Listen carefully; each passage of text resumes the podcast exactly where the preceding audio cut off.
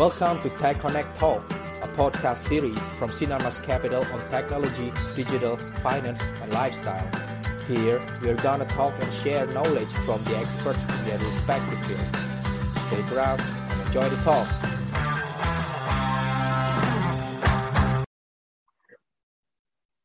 Assalamualaikum warahmatullahi wabarakatuh. Shalom. Om Swastiastu, Namo Buddhaya. Selamat sore dan selamat bergabung kami ucapkan kepada seluruh peserta webinar bertajuk Learn from the Expert, Employee Engagement in Modern Ways. Selamat bergabung kami ucapkan kepada yang kami banggakan.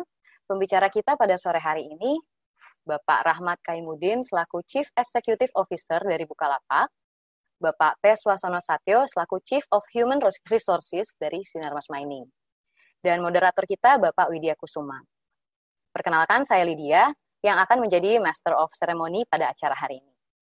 Pastikan rekan-rekan untuk tetap stay tune di webinar kali ini karena kami menyiapkan souvenir yang sangat menarik dari SMM Tech Connect yang akan diberikan kepada 30 orang pertama yang join dalam webinar ini, peserta yang aktif memberikan pertanyaan dalam diskusi, dan juga peserta yang mengikuti jalannya acara ini dari awal hingga selesai. Untuk pemenangnya akan dipilih secara acak sebelum diskusi ini saya serahkan kepada moderator Bapak Widya Kusuma.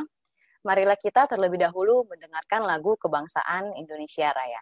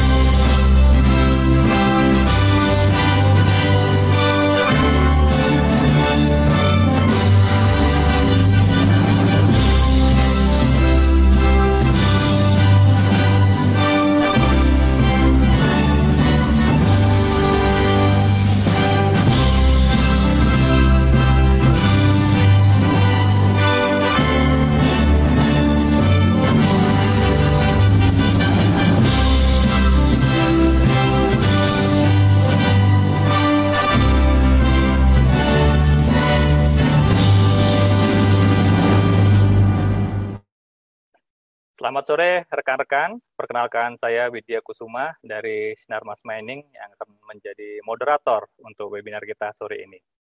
Webinar sore ini kami adakan uh, sebagai series dari webinar yang sudah pernah kita adakan sebulan yang lalu dan ini merupakan ajang silaturahmi dan sharing knowledge bagi community HR pada khususnya dan profesi-profesi lainnya pada umumnya. Semoga webinar kita sore ini dapat memberikan insight positif bagi rekan-rekan dan dapat diimplementasikan di perusahaan masing-masing. Secara reguler, beberapa institusi uh, mempublish atau membuat list daftar uh, perusahaan yang masuk dalam kriteria best company to work. Survei-survei tersebut mengidentifikasikan bagaimana sebuah perusahaan dapat menjadi the best company to work berdasarkan apa yang dirasakan oleh employee saat bekerja di perusahaan tersebut. The Great Place to Work adalah tempat kerja di mana employee memiliki trust yang tinggi terhadap rekan kerjanya dan memiliki kebanggaan atas perusahaannya dan sudah pasti dia enjoy saat bekerja di situ. Secara general, karyawan akan memiliki high level of trust dan adanya bukti kuat employee engagement sebagai refleksi dari implementasi uh, inisiatif atau policy atau eh, program-program uh, yang dikeluarkan oleh manajemen.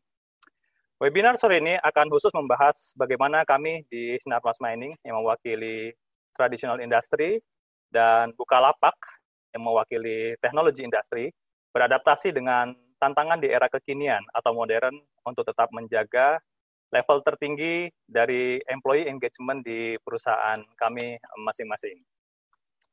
Sebelum masuk ke sesi berikutnya, kita adakan sedikit uh, polling atau survei untuk mengetahui bagaimana pendapat dari rekan-rekan semua yang sudah hadir di webinar sore ini. Silahkan ditampilkan surveinya.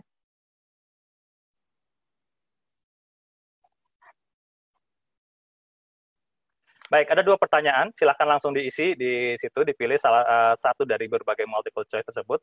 Pertanyaan pertama, menurut Anda apa yang terpenting untuk membangun lingkungan kerja terbaik bagi karyawan. Ya, silakan langsung diklik. selanjutnya nomor dua, menurut Anda apa alasan utama talent memilih perusahaan tersebut sebagai tempat dia bekerja? Silakan diklik juga ya. Jadi saya ulang lagi, ada dua pertanyaan. Pertanyaan pertama, menurut Anda apa yang terpenting untuk membangun lingkungan kerja yang terbaik bagi karyawan? Dan pertanyaan kedua adalah, menurut Anda kira-kira apa alasan utama talent memilih untuk bekerja di perusahaan tersebut. Oke, silakan.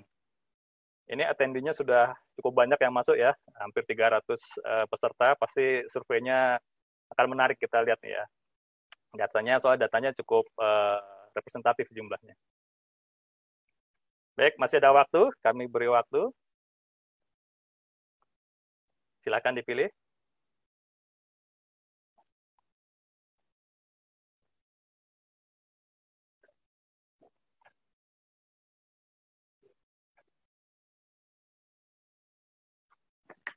Oke, uh, datanya sudah available, kita langsung tampilkan, silahkan. Hasil dari polling. Oke, untuk pertanyaan pertama, menurut Anda apa yang terpenting uh, untuk membangun lingkungan kerja yang terbaik bagi karyawan? Ini ada berbagai macam jawaban, tapi ternyata dari peserta yang hadir pada sore ini memilih work-life balance adalah hal yang terutama atau paling dominan yang dibutuhkan untuk membangun lingkungan kerja yang terbaik. Dan pertanyaan kedua adalah menurut Anda apa alasan utama talent memilih perusahaan sebagai tempat dia bekerja? Ini dari berbagai dari empat kriteria ternyata yang paling utama adalah great company. Jadi great company itu ya bukan berarti perusahaan yang harus paling besar, tapi perusahaan itu memiliki value yang ya apa ya, yang yang berkorelasi dengan value dari uh, karyawan tersebut. Baik, terima kasih atas partisipasi rekan-rekan pada uh, survei kali ini. Pembicara kita ada dua, yaitu Bapak Suasono Satyo dari Sinar Mas Mining yang akan menjelaskan bagaimana kami yang berkecimpung di industri yang bisa dibilang tradisional untuk shifting uh, dengan pendekatan yang lebih modern untuk uh, employee engagement. Selanjutnya nanti dilanjutkan oleh Pak Rahmat Kaimudin yang akan menjelaskan apa yang secara real telah dilakukan oleh uh, Bukalapak sebagai technology company dalam mengintensifkan penggunaan teknologi dalam berinteraksi dengan customer-nya uh, atau stakeholder-nya khususnya dalam hal ini karyawan. Baik, saya jelaskan sedikit tentang uh, profil dari pembicara. Uh, pembicara pertama kita, Pak Swasono Satyo, beliau saat ini adalah Chief HR Officer di Sinarmas Mining dengan 30 tahun pengalaman di HR, jadi sudah sangat panjang uh, experience-nya dengan berbagai industri, FMCG, mining, teknologi, oil and gas. Jadi beliau merupakan salah satu uh, panelis yang uh, related atau tepat untuk webinar kita sore ini. Selanjutnya, pembicara kita kedua adalah uh, Bapak Rahmat Kaimudin. Beliau saat ini adalah CEO di Bukalapak. Tentu kita sudah sangat tahu ya, Bukalapak sebagai salah satu e-commerce terkemuka di Indonesia. Uh, background atau experience ada di engineering dan financial management dan sudah melanglang buana ke berbagai industri, e-commerce, teknologi, banking, penerbangan, oil and gas, mining, dan private equity. Jadi beliau akan bisa memberikan insight yang uh, cukup luas atau komprehensif terhadap bagaimana uh, implementasi employee engagement ya di perusahaan, terutama di perusahaan beliau. Baik, uh, kita akan segera masuk ke sesi pertama, presentasi pertama uh, oleh Pak Satyo. Uh, jika ada rekan-rekan pada saat presentasi, jika ada rekan-rekan yang mengajukan pertanyaan, bisa langsung nanti ketik di chat room di sebelah kanan bawah. Jadi nggak perlu nunggu presentasi selesai, langsung aja ketik pertanyaannya apa saja di situ. Nanti ada tim kami yang akan uh, memilih pertanyaan-pertanyaan apa kira-kira yang bisa mewakili uh, pertanyaan tersebut dan kita ajukan di sesi tanya jawab di akhir dari uh, webinar sore ini. Oke, untuk mempersingkat waktu, kami persilahkan kepada Bapak Swasono Satyo untuk menyampaikan materinya. Kami persilakan Pak Satyo. Terima kasih kepada tim panitia yang sudah bekerja keras. Juga terima kasih Pak Rahmat bisa uh, bersama kami uh, untuk sharing knowledge. Uh, saya akan berbagi kepada Bapak Ibu sekalian mengenai employee experience. Jadi supaya company itu bisa sustain, supaya company itu bisa uh, bisnis growth-nya bisa tinggi. Salah satunya adalah bagaimana kita mengupayakan supaya karyawan itu makin engage. Akan saya bahas di dalam uh, tiga sesi di sini. Mudah-mudahan waktunya cukup ya, 20 menit, silakan. Jadi sebelum masuk ke sana, uh, saya ada sedikit resep nih untuk menjadi uh, good to great corporate transformation sebetulnya uh, tidak mustahil, tetapi tidak juga uh, suatu keajaiban. Resepnya cuma sederhana sebetulnya terkait dengan people, yaitu uh, rendah uh, rendah hati, pragmatik, komitmen, dan proses yang harus excellent, disertai ada structure, ada framework, supaya setiap perusahaan, karena di tempat kami ada sekitar 60 perusahaan, dan setiap pemimpin dan setiap karyawan individu itu bekerja sama satu sama lain, uh, mengengage sehingga bisnis itu bisa tercapai. Oke, lanjut.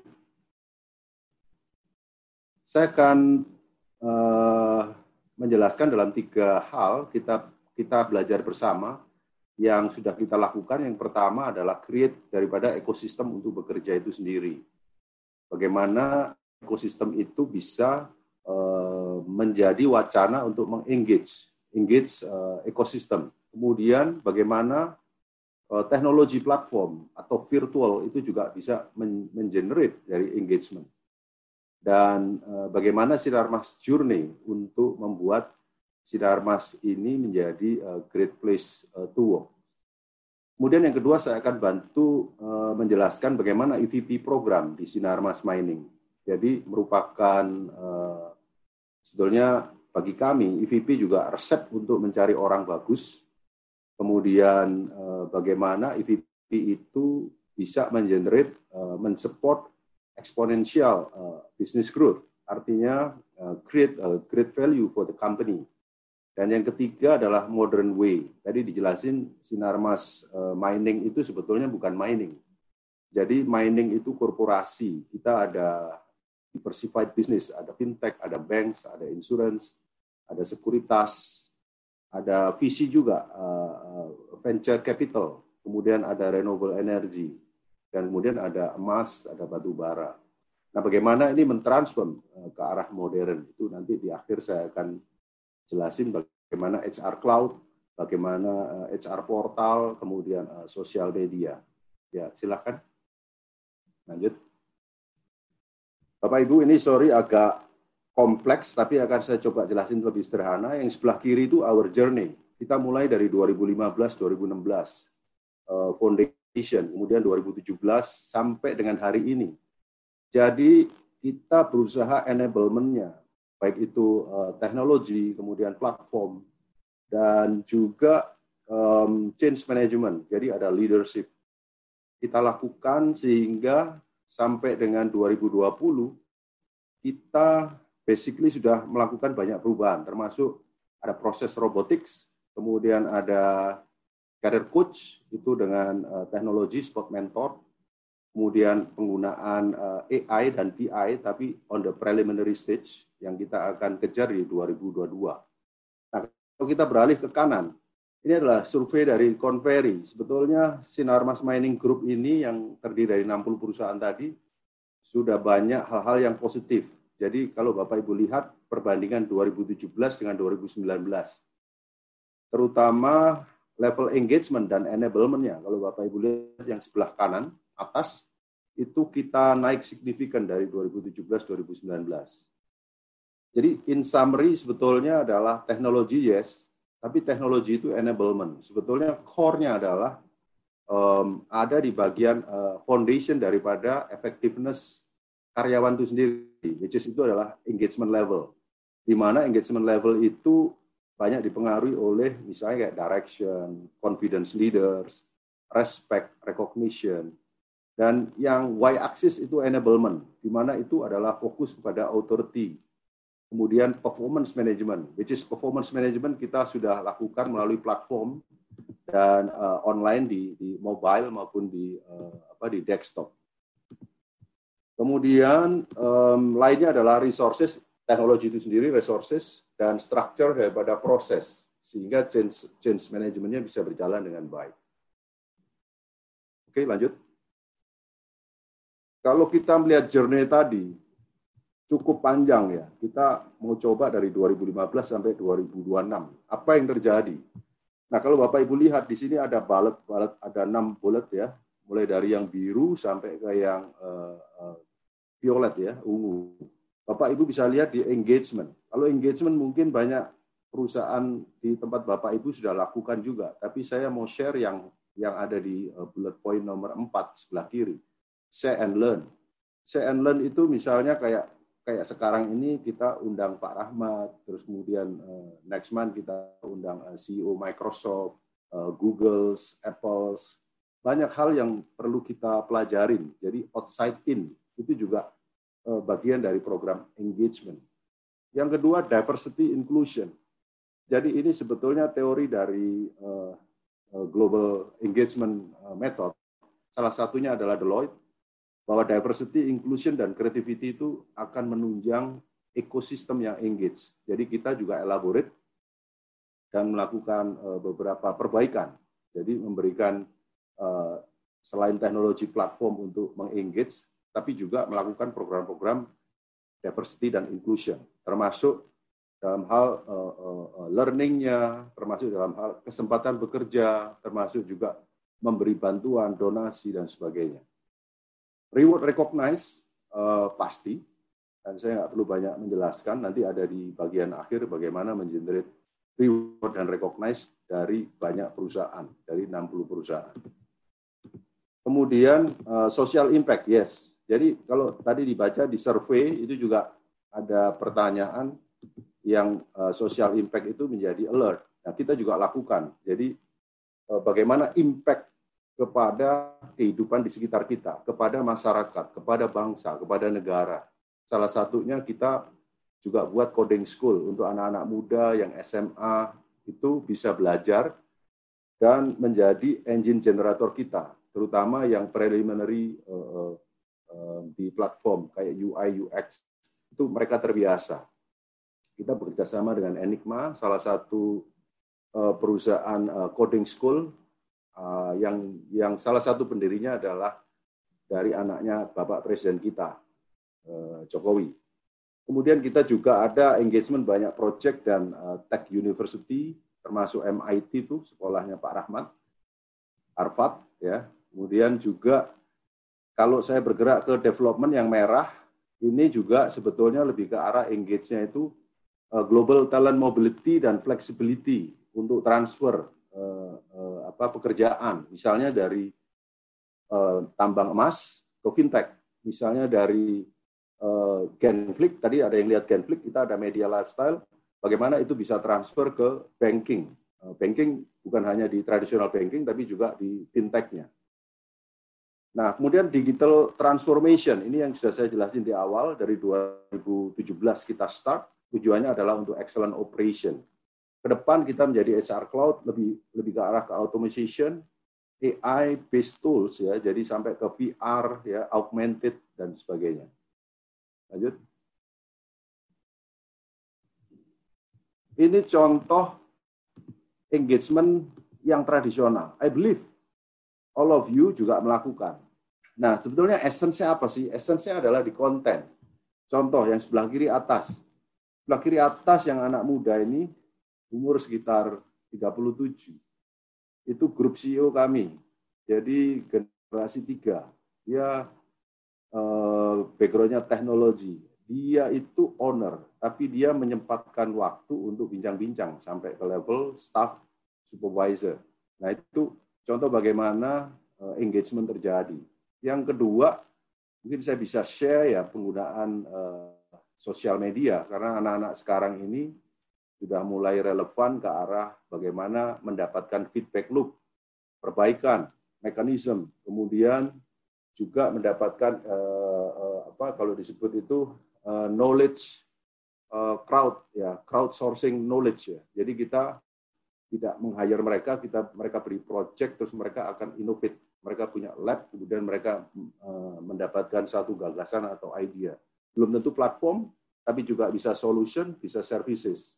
Nah itu juga kita lakukan di di apa uh, sosmed activities sehingga mereka punya grup-grup uh, sendiri untuk innovation lab-nya. Silakan. EVP. Jadi kalau kita sudah belajar bagaimana uh, di, di menciptakan ekosistem uh, di perusahaan yang baik, sekarang kita masuk bagaimana EVP itu mempengaruhi engagement. Oke. Okay. Saya akan bahas resep uh, daripada EVP ini sendiri selain mensupport bisnis juga mencari talent. Nah, terutama teman-teman recruiter ya kan banyak saya lihat namanya tadi banyak yang kenal. Sebagian besar ada recruiter. Jadi empat hal ini yang harus dilakukan oleh perusahaan. Yang pertama great company, yang kedua great people, yang ketiga great job, yang keempat great rewards. Great itu beda dengan good. Good still not enough. Jadi to be great itu artinya perlu suatu transformasi yang betul-betul 180 derajat. Nggak boleh, kalau performance kan naik dari B plus ke B. Gitu. Jadi ini kalau bisa dari D langsung ke A plus. Gitu. Gimana caranya? Nah, it's amazing. Namun demikian, kalau di Sinar Mas Mining ini kita berusaha menciptakan EVP itu yang bukan hanya untuk uh, answering uh, what stakeholder value expect, tetapi juga memberikan impact ke arah kehidupan dan family kita. Makanya dia kasih uh, satu resep bahwa kalian harus jadi pengusaha, entrepreneurs, sehingga kalian bisa berdharma bakti kepada lingkungan, menciptakan lapangan pekerjaan. Yang kedua adalah menciptakan leaders. Nanti saya jelasin di slide selanjutnya, kita dituntut sampai 2026 itu sudah harus ada 300 300 CXO level. Jadi kita menciptakan leader baru yang berkarakter entrepreneurs. Jadi ada taking risk, ada uh, business development, bagaimana membawa platform sampai commercialize dari lab to market. Dan of course yang ketiga, technology innovation. Karena uh, stakeholder kami berprinsip bahwa natural resources is no more. Ya. I think they will, uh, I believe, they think about uh, after 60 years. Jadi not just only talking of himself, tetapi dia mungkin sudah ciptakan uh, creation another 60 years. Makanya dia masuk ke arah uh, teknologi innovation yang yang langsung commercialize. Oke, okay. lanjut Widya. Ini agak busy, sorry. Cuma saya ingin menjelaskan bagaimana uh, good to great. Jadi kalau mau jadi great company harus Kira-kira ini gambarannya kalau boleh saya share. Kalau Bapak lihat 2006, 2006 sampai 2020 yang sebelah kiri. 25 kalinya growth. Nah itu yang saya bilang, good still not enough to be great. Kita harus bisa 25 atau 50 kali growth. Yeah, it's, it's challenging for us. Tapi ini happen.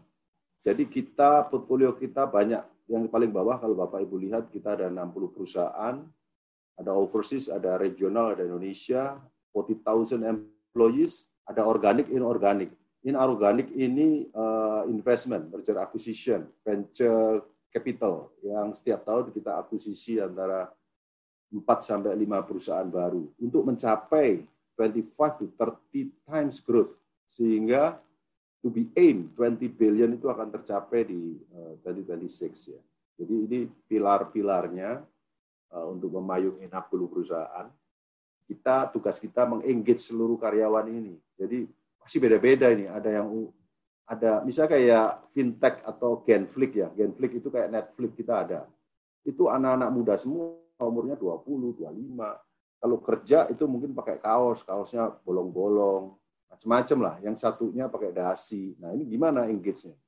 It's complex, um, tapi menarik. Ya, challenging for us. Ya.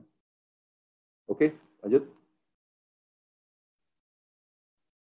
Nah, kalau kita sudah belajar tadi mengenai EVP, yaitu uh, uh, apa great company, sekarang saya ngajak kalian untuk menjadi great people. Great people, resepnya apa? Tadi ada yang jawab flexible working hours, ada yang gaji gede dan sebagainya. Kalau di kami, itu resepnya ada tiga, yaitu Citius, Altius, Fortius. Kali satu lagi sebelah kanan yang biru-biru. Winning spirit, bounce back, dan potential. Winning spirit berarti nggak mau kalah. Kalau maraton atau ikut triathlon, harus jadi nomor satu. Yang ikut sepuluh ribu, tapi yang menang satu. Harus punya semangat itu. Yang kedua, habis jatuh, bangun lagi. Jatuh, bangun lagi. Jadi jatuh seratus kali, sukses satu kali, itu luar biasa. Itu bounce back. Yang ketiga adalah kita looking potensial every karyawan. Karena potensial itu bisa ditempatkan di among 60 companies. Jadi eh, kita akan develop mereka yaitu dari task worker menuju eh, knowledge specialist. Jadi konsep inilah yang membuat kami faster, higher, dan stronger. Sehingga bisa uh, membawa reputasi perusahaan tadi dan uh, karyanya engage. Nah, di bawah leversnya itu adalah kegiatan kami yang kami lakukan ada enam, tapi akan saya sorot di bidang digital transformation. Karena yang empat ini saya believe teman-teman sudah banyak uh, lebih pinter, ya kan. Jadi yang terakhir ini sebetulnya challenging karena di situ insight-nya adalah change agent, change management, people. Sehingga teknologi itu bisa menjadi alat untuk membantu pengambilan keputusan dan problem solving sedemikian cepat. Bapak Ibu bisa bayangin, 40 ribu karyawan, 60 bisnis is not easy to handle. Kalau tanpa teknologi kita bisa uh, kelabakan. Oke, okay, lanjut. Nah, setelah tadi kita bahas great people, selanjutnya adalah great job. Bagaimana menciptakan great job supaya karyawan itu engage? Nah, great job ini sendiri adalah kuncinya adalah memberikan flexibility untuk dirotasi. Aku bosen jadi HR. Aku mau jadi CTO. Bisa difasilitasi. Bapak Ibu lihat ke kanan, box kanan itu disebut super job. Bapak akan di develop melalui uh, platform uh, itu platform kita itu global. Jadi bisa masuk ke Harvard, ke MIT, ke Cornell, Stanford, semuanya seluruh dunia dan free karena karyawan memberikan. Yang kedua itu ada uh, learning pathway yang di mana membentuk agile workforce. Jadi model kita struktur organisasi sudah mengarah bukan lagi pyramid tapi agility. Jadi ada ada tribe ya, kemudian ada squad, ada agile dan sebagainya sehingga eh, bisa didaya gunakan untuk deployment ke bisnis yang lainnya. Jadi tidak structure seperti tradisional organisasi. Nah, tadi augmented sudah saya jelasin. Kemudian beralih ke kiri, kalau sudah di develop menjadi super job, maka bisa di area alokasi. Baik itu ke bisnis lainnya, yang tadi saya jelasin di, di among 60 companies, juga bisa uh, dilakukan uh, crowdsourcing knowledge gitu. Jadi ada hackathons ya, kemudian ada apa namanya itu uh, uh, uh, apa uh, crowd developer dan sebagainya. Jadi best class class partners di luar, ya kan. Nah, kami melakukan banyak kerjasama dengan global company untuk melakukan transformasi, rotasi dan development serta digital platform inisiatif. Kenapa memilih global? Karena kami tidak ada waktu.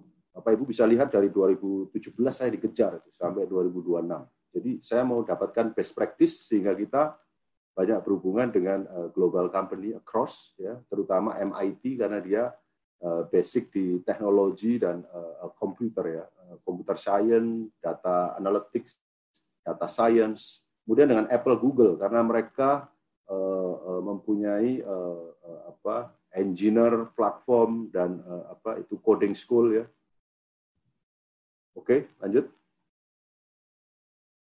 Nah, setelah great job pasti rewards-nya. Nah, rewards-nya sebetulnya sederhana. Pasti teman-teman komben tahu nih antara bisnis dengan talent harus align, tapi kata kuncinya ada di warna-warna ini. Bisnis kalian itu produk, solution, platform atau multi site. Kalau di Sinarmas eh, Mining Corporation ini ada empat-empatnya ada. Jadi perbedaan komben juga menjadi beda-beda. Ada yang di platform uh, bisnis kami, itu kalau hire karyawan, dia maunya jadi shareholder, jadi co-founder. Pasti ujungnya ke share, stocks, ya kan? Makanya kita fasilitasi. Dia nggak mau lagi digaji. Nah, beda lagi dengan produk. Produk itu bisa kayak batu bara, emas, itu produk. Itu tradisional. Biasanya pakai insentif produksi. Nah, sebelah kanan itu contoh-contoh yang sudah eh, kami lakukan dan diberikan karyawan. Tujuannya adalah supaya mereka engage. Oke, lanjut. Dan terakhir nih slide saya, modern way. Jadi setelah kita lihat semuanya platform, mulai dari membentuk ekosistem yang bagus, kemudian EVP yang bagus, yaitu great company, great people, great job, great reward. Nah, bagaimana caranya mentransfer ke modern way? Lanjut. Bapak Ibu bisa lihat merah dan hijau. Jadi kita dulu 2015 itu masih merah. Sekarang sudah ke arah ke kanan, ke modern. Dari berbagai inisiatif ini mungkin saya akan masuk ke platform yang paling bawah. Jadi dulunya kita banyak platform, ada 30 itu DHR, belum di bisnis ya, mungkin 100 platform. Nah ini kita jadikan satu integrated. Kemudian yang tadinya analog to digital, karena dari analog di scan menjadi digital, nggak cukup. Masuk ke RPA, menciptakan game changers, AI, VR, AR, sampai dengan 2026. Jadi 2021 kita udah exercise penggunaan robotics dan eh, AI dan BI ya, business intelligence. Oke, lanjut. Saya mau share bagaimana HR journey dari transformation ke reformation. Kenapa transformation reformation? Karena perubahan teknologi cepat, jadi kita harus reforming again untuk adapt. Jadi kalau Bapak Ibu lihat, saya akan lompat karena ini saya believe Bapak Ibu juga punya curve seperti ini. Saya akan masuk ke HR Cloud-nya 6 di mana di situ sudah uh, deployment dari, uh, rethinking HR teknologi. Kemudian uh, ini berimbas betulnya bagaimana skill-nya lebih besar, orang-orangnya mampu, capability untuk melakukan analytics. Jadi kalau misalnya saya bercontoh yang paling gampang di HR aja. HR saya sudah background-nya bukan orang social science. HR saya background-nya math, statistik, engineer, IT, jadi mereka kadang-kadang ada fisik ya. Jadi ada uh, lulusan fisika, ya metalurgi. Uh, saya nggak peduli karena apa? Itu untuk melakukan change management tadi.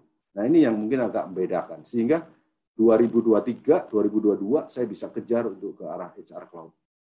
Nah, yang nomor tujuh itu sebenarnya nomor satu karena habis proses kita harus melakukan assessment, monitor, feedback loop, dan kembali lagi.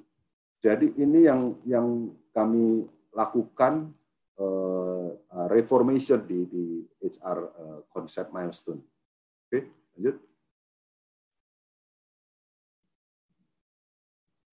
Ini contoh sampel aja bagaimana portal uh, meningkatkan engagement di internal kita, di internal karyawan uh, Sinarmas Mining Group di situ ada konsep kalau bisa portalnya itu kayak Facebook gitu. Jadi ada engagement model. Jadi itu saran saya. Jadi bisa chat di situ, orang bisa update status apa pun sehingga kita bisa dapatkan uh, banyak banyak idea, feedback ya. Kemudian lanjut. Kalau web sama saran saya juga harus uh, bisa communicate, bisa influence, bisa uh, apa itu kayak seperti Facebook ya. Jadi meningkatkan uh, engagement itu sendiri. Kemudian ada mekanisme feedback, terutama itu yang terpenting. Nah ini bagian dari corporate culture juga sebetulnya. Jadi kita ada beberapa achievement, tapi achievement itu sebetulnya bukan karena tropinya ya, kalau saya boleh share.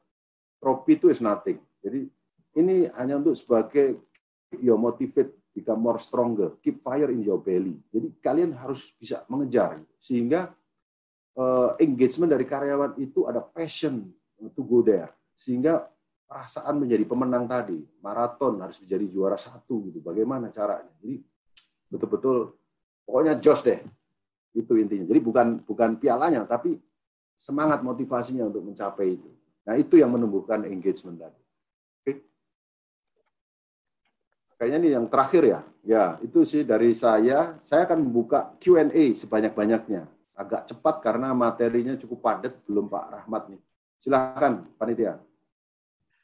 Baik, terima kasih uh, Pak Satyo. Rekan-rekan semua, mari kita berikan tepuk tangan dan aplaus untuk Pak Swasona Satyo yang sudah memberikan materi yang luar biasa. Semoga uh, materi ini dapat memberikan insight kepada rekan-rekan semua untuk diimplementasikan di perusahaan masing-masing. Saya lihat tadi di chat room sudah luar biasa banyak pertanyaannya. Ini tim kami sudah mulai memilih-milih pertanyaan mana yang kira-kira bisa kita bawa nanti di sesi akhir dari uh, acara ini. Baik, saya coba simpulkan sedikit tentang presentasi tersebut adalah uh, tadi Pak Satu sudah menjelaskan bagaimana SMM telah membangun ekosistem kerja yang positif sebagai dasar membangun employee engagement Selanjutnya, eh, bagaimana kami juga mengembangkan employee value proposition yang merupakan secret sauce ya untuk mengattract dan meretain uh, talent-talent yang bagus. Dan terakhir kita juga sudah mulai beradaptasi dengan teknologi uh, untuk pendekatan uh, employee engagement. Oke, kita segera akan masuk ke sesi berikutnya. Tapi sebelum masuk kita coba satu pooling lagi ya, satu survei pooling lagi seperti yang tadi agar biar related dengan materi berikutnya.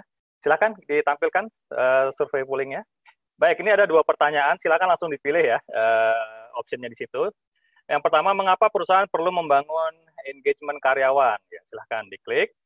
Yang nomor dua, bagaimana penerapan teknologi dalam meningkatkan employee engagement? Ya, silakan ya, langsung dipilih. Saya ulangi lagi pertanyaan yang pertama. Mengapa perusahaan perlu membangun engagement karyawan? Dan kedua, bagaimana penerapan teknologi dalam meningkatkan employee engagement? Silakan, langsung dipilih. Ini pesertanya sudah hampir 400, luar biasa ya. Uh, pasti banyak sekali nih kalau di data analitik ini udah apa ya populasinya tuh udah udah solid lah. Jadi nggak nggak apa namanya nggak nggak bohong lah gitu ya jawabannya nanti kalau udah dapat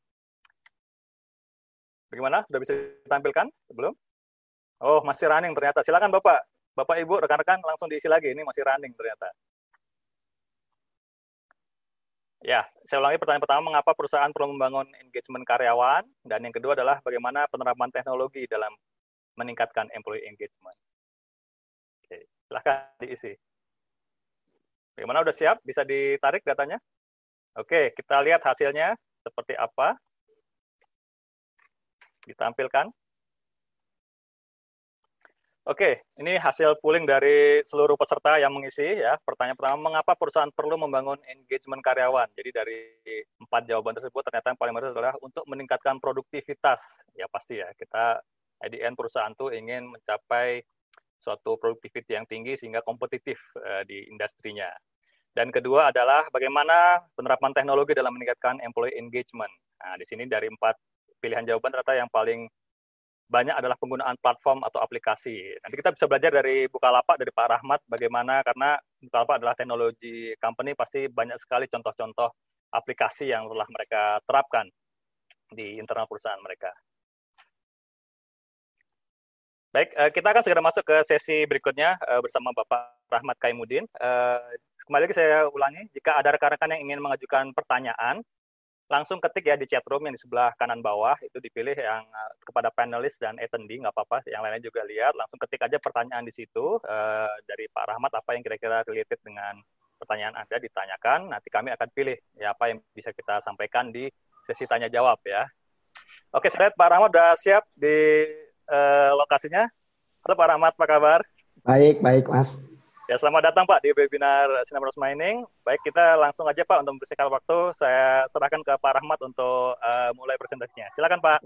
Terima kasih Pak Widya. Uh, izin Pak Satyo, saya mungkin ada sedikit uh, ini presentasi. Oke. Bentar. Uh,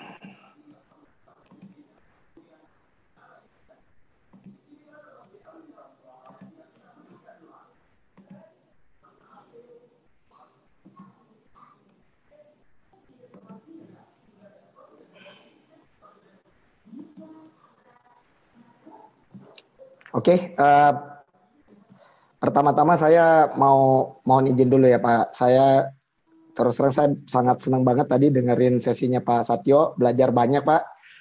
Uh, just to set expectation, saya uh, kebetulan di sini belum inilah bukan bukan ahli human resource gitu. Jadi pengalaman saya 20 tahun adalah sebagai karyawan. jadi jadi lebih banyak nggak pernah biasanya malah ini tapi uh, kebetulan di Bukalapak kita sebagai leader ya, jadi kita juga mulai belajar-belajar dan mungkin saya coba share sedikit uh, observasi atau apa yang kita coba lihat di buka, uh, kita lakukan di Bukalapak dan semoga bisa useful buat Bapak dan Ibu semua untuk diskusi kita. Dan saya juga look forward untuk uh, bukan sharing ya, tapi sebenarnya saling berbagi ilmu dan mudah-mudahan saya juga uh, sangat ingin belajar dari Bapak dan Ibu semua dalam sesi kali ini. Mungkin pertama uh, untuk konteks ya sebagai eh, kira-kira apa yang kami hadapi di Bukalapak. Jadi hari ini kita punya sekitar 2000 employee um, di luar out, uh, outsource ya. 2000 employee di mana 800 itu adalah uh, tech base ya. Jadi engineers atau products ya. Jadi banyak inilah um, nerdy-nerdy gitu dan very technical people gitu ya. Di mana 80% itu milenial. Kebetulan uh, ini satu mungkin anekdot yang uh, biasa saya share. Sebelum-sebelumnya itu saya banyak berkecimpung di beberapa perusahaan yang relatively mungkin orang bilang tradisional atau old economy. Di mana kalau saya jadi waktu itu komisaris atau jadi direksi, saya selalu jadi yang paling muda.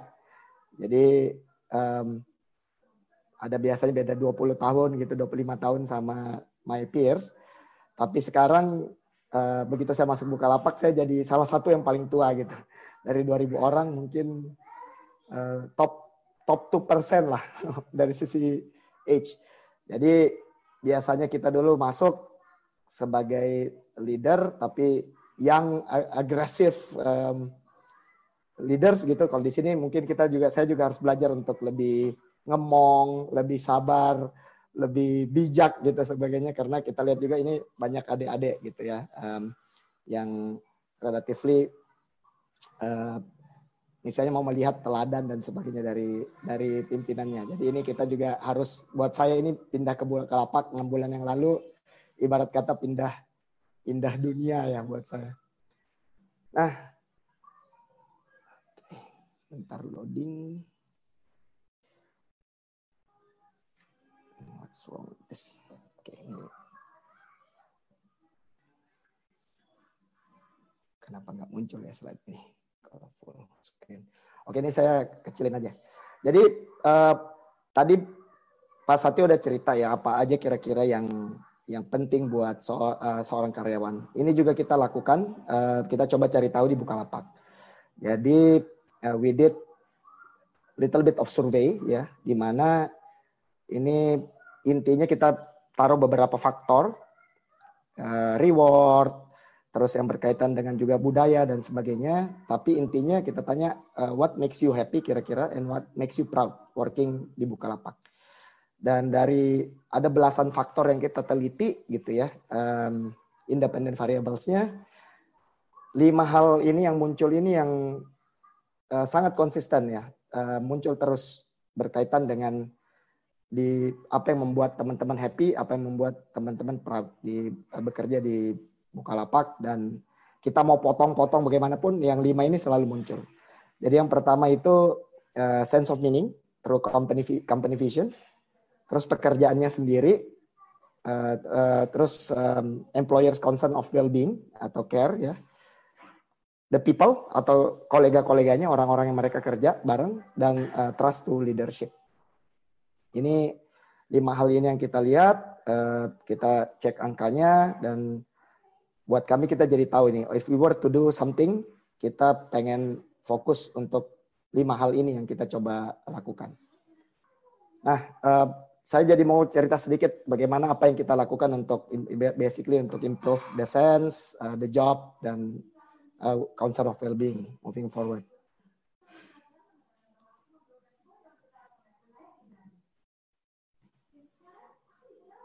Jadi uh, mungkin pertama sebelumnya kita selalu cerita juga dulu sebelum mau sebelum orang mau bekerja di Bukalapak kita biasanya um, lihat-lihat dulu ini dia harus tahu dulu sejarahnya Bukalapak seperti apa gitu.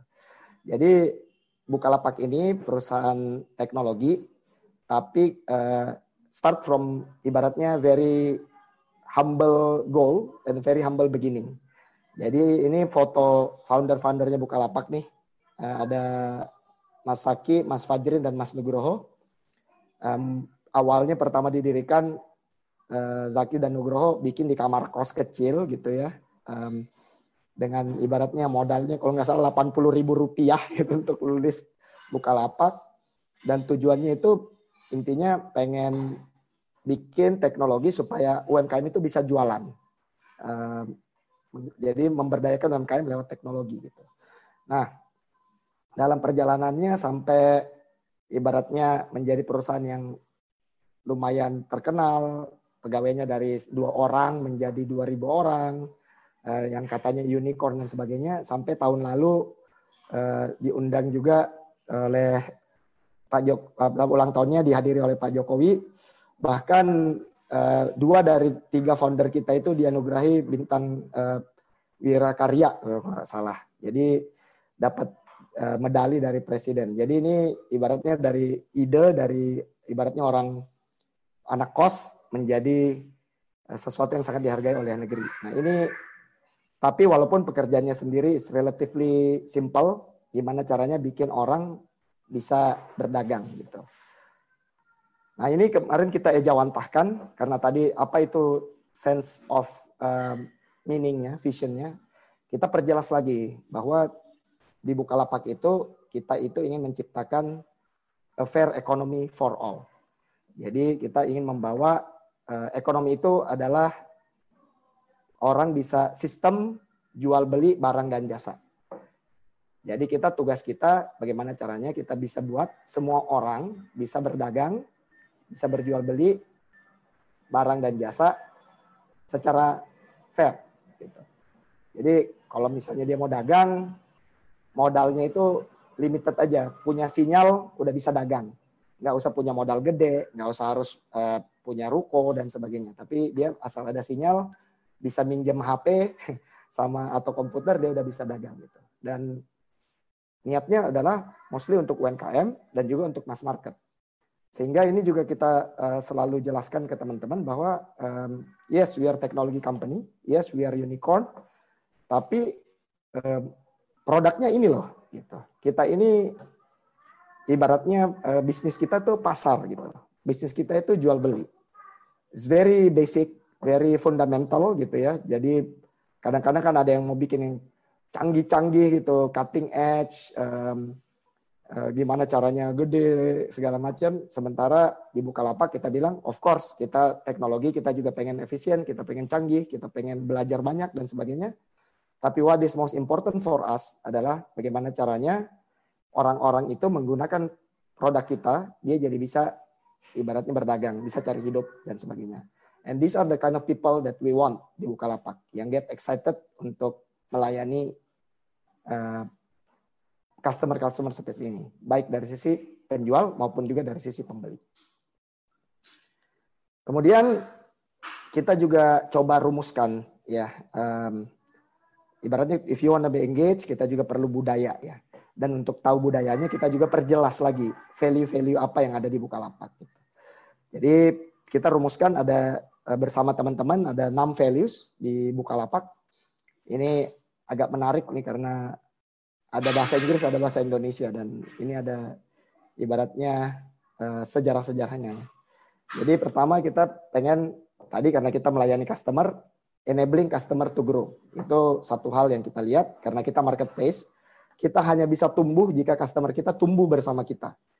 Kalau kalau di pasar itu pengelola pasar itu bisa dapat uh, uang kalau pasarnya rame gitu. Kalau misalnya dagangannya banyak, kalau pasarnya sepi, si pengelola pasar nggak bisa dapat apa-apa gitu. Jadi ini juga yang perlu kita bilang bahwa customer itu bagian yang penting dari kita dan kita grow together. Insentifnya align, semuanya align dan um, we want people itu ingat bahwa uh, budaya kita adalah memperhatikan, mem mengenable buat buat customer kita bisa grow.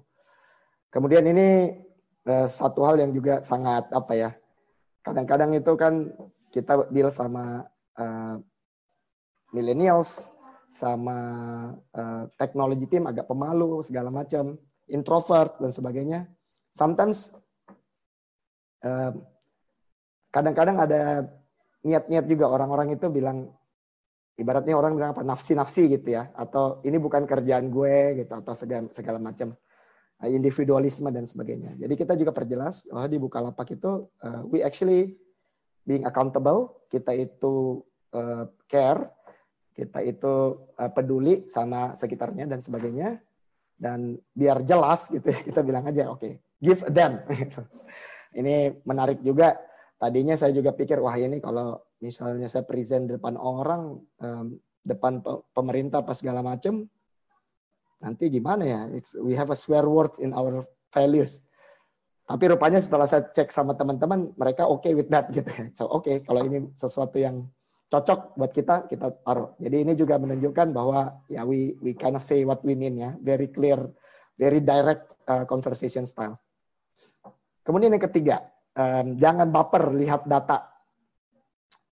Jadi tentunya kita uh, sangat apa ya sebagai organisasi kita punya banyak data, kita punya banyak analisa, uh, kita punya banyak uh, educated people ya. Cuman kadang-kadang namanya manusia, organisasi yang besar, kita juga uh, punya ego masing-masing, kita punya opini yang kuat masing-masing, dan tentunya terjadi selalu terjadi ada konflik uh, atau per, perdebatan. Nah, jika terjadi itu, misalnya ada sesuatu yang usulan ditolak, gitu, Ter terus we use our power atau influence segala macam, atau marah-marahan, kita bilang, oke, okay, intinya kita lihat aja datanya yang mana yang benar gitu. So we want datanya itu adalah yang jadi hakim, yang impartial. Jadi kalau sudah di kita boleh berdebat, tapi the moment kita put the data together, data say something, oke okay, kita uh, set that perasaan aside and then we we start working. Kemudian sebagai um, perusahaan yang tadi melayani mass market dan perusahaan teknologi, ya kita juga tahu bahwa um, kita we need to keep the everything simple. Jadi we want something yang works uh, simply. Biasanya kalau simple itu lebih mudah dimengerti, lebih hemat gitu juga. Jadi kita bukan mau yang wah, cutting edge banget, sangat mutakhir dan sebagainya, tapi relatively something yang yang bisa cepat dieksekut, uh, bisa cepat dimengerti orang, dan juga biayanya lebih rendah. Gitu. Terus ini yang kelima, ini gotong royong. Ini sesuatu yang sangat Indonesia banget, sangat buka lapak banget. Pada saat kita merumuskan ini semua, ini muncul terus sebagai sesuatu yang dari dulu sampai sekarang kita keep. Um, ya kita perjelas juga dia buka lapak kita kerja bareng-bareng gitu, um, bergotong royong. Dan terakhir uh, we we want to be fun gitu. Jadi kita juga bukan hanya kerja aja gitu, Eh, dan sebagainya. Tapi apa pun yang kita coba lakukan itu harus menyenangkan. Nah, jadi uh, ya nggak hanya stres-stres doang gitu dikejar target, tapi kita juga enjoy gitu ya what what we, need to do, um, what we are doing. Jadi keinginan kita dengan tadi kita perjelas uh, missionnya dan juga perjelas budayanya, kita ingin memastikan bahwa semua orang yang masuk Bukalapak itu they know what what we are, we know what we want, where are we going, what to expect, uh, dan harapan kita bu terbentuklah budaya yang mencerminkan uh, nilai-nilai uh, semua. Sehingga um, karena budaya itu katanya punya dua power. Dia bisa attract people yang cocok dan mungkin juga bisa membuat uh, repel people yang nggak cocok gitu. Jadi mungkin orang-orang yang nggak yang nggak cocok dengan budaya-budaya ini bisa jadi merasa nggak betah dan sebagainya gitu. Nah ini ini hal-hal yang kita coba perjelas saja karena nggak ada suatu budaya atau organisasi yang mungkin bisa 100% menerima buat semua orang. Ini juga ada cocok-cocokan kan. Jadi what we just need to do is just to clarify what we are. Um, tadi juga ada cerita the job itself ya. Um, jobnya sendiri intinya kerjaan kita relatively simple. Kita teknologi kita punya dua aplikasi uh, produk utama kita. Yang pertama online marketplace uh, di mana orang bisa jual beli secara online. Dan juga kita sadar juga tiga tahun terakhir bahwa di online marketplace ini ada hanya sebagian kecil dari masyarakat juga yang sekarang ini trading di situ. Masih banyak orang-orang yang pengen masih pengen belanja secara offline. Jadi tiga tahun yang lalu kita ciptakan aplikasi baru, intinya empower warung. Kita berikan dia aplikasi di mana si warung itu bisa jualan virtual product, bisa menerima pembayaran seperti layaknya toko-toko modern trade, dan juga kita berikan eh, eh, kita berikan mereka juga kemampuan kerja kita kerjasama dengan distributor dan prinsipal mereka bisa order barang general trade dan kami akan antarkan. Sehingga mereka bisa beli barang secara eh, apa ya kita bisa combine our purchasing power di Bukalapak eh, dengan teknologi juga efisiensi. Mereka kalau butuh kehabisan barang nggak harus tutup warungnya. Kita dia bisa order lewat aplikasi kita akan antar. Nah, jadi ini harapan kita si warung-warung ini juga bisa bersaing dengan eh, apa dengan modern trades ya. Nah ini yang terus-terus kita juga lakukan kita uh, the job itself itu seperti apa? Kita menciptakan suatu platform supaya tadi UMKM, UMKM bisa dagang lewat online secara mudah, warung bisa naik kelas, pembeli juga bisa berbelanja sesuai dengan comfort level mereka. Mereka bisa belanja online, uh, bisa ketemu banyak pelapak, atau kalau maunya belanja di warung juga bisa gitu. Dia juga nyaman pakai cash dan sebagainya, bisa juga tetap benefit dengan kehadiran Bukalapak. Dan ya ini sedikit juga apa yang kita tunjukkan bahwa apa yang kita kerjakan itu the job itself juga itu actually make a difference gitu ya. Jadi hari ini kita ada uh, sudah punya 6 juta pelapak, 5 juta warung uh, cross the whole ini after 10 years ada 90-an juta registered user dan uh, punya komunitas di 142 cities gitu. Jadi hal-hal ini juga kita komunikasikan kepada uh, pegawai-pegawai kita bahwa kan so easy for us to forget gitu. Dia dia lagi coding malam-malam di kantor. Uh, misalnya dimarahi bosnya dan sebagainya bahwa whatever they are doing it's actually punya impact yang besar bukan hanya buat satu dua orang, bukan hanya tadi for shareholder values, tapi we really create uh, impact for the society at large. Gitu. Nah, um, tadi kita cerita-cerita juga tentang uh, trust um, kepada and the people and the trust juga ya. Jadi kita juga ada punya beberapa channel untuk internal communication.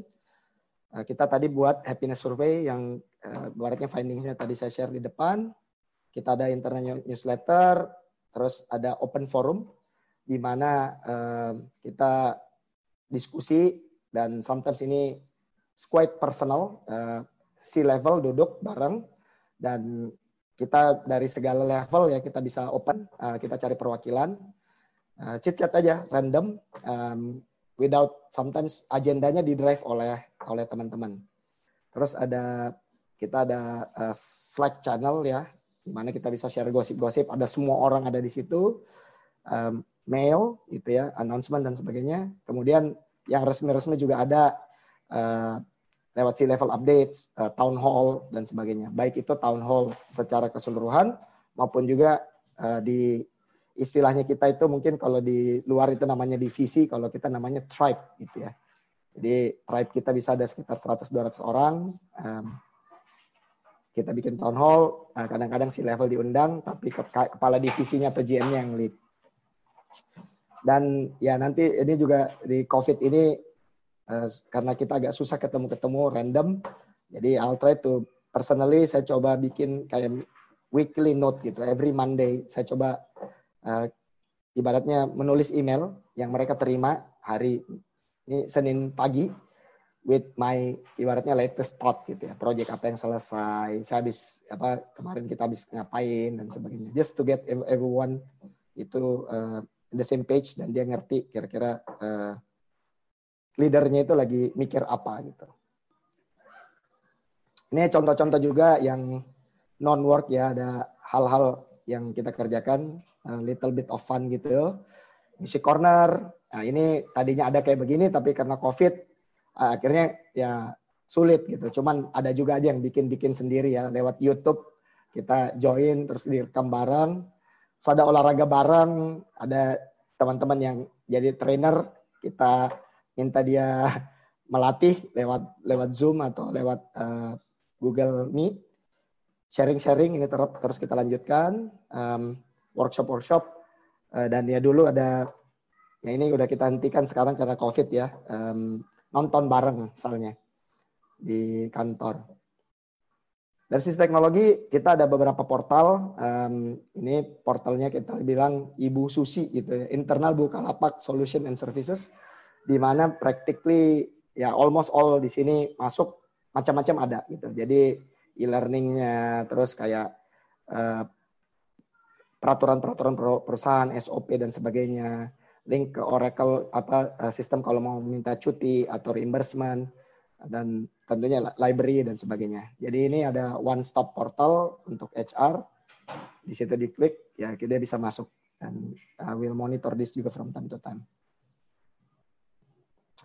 Nah mungkin quickly uh, ini sharing sedikit aja tentang apa yang terjadi recently di work from home um, karena ini trending topik ya sekarang ya. Jadi di Bukalapak sendiri ya sama mungkin sama teman-teman begitu kita ada lihat case kita udah mulai taruh uh, beberapa uh, preventive measures ya awalnya kita limit bisnis trip, hand sanitizer, mask di kantor dan begitu terjadi PSBB kita lakukan uh, work from home. Dan hari ini um, kita mulai work from home dari pertengahan Maret dan sampai sekarang kita masih lanjut dan rencana kami sih sebenarnya akan kita akan lanjutkan sampai unforeseeable future lah. Mungkin dalam waktu midterm ini kita akan, akan selalu lanjutkan.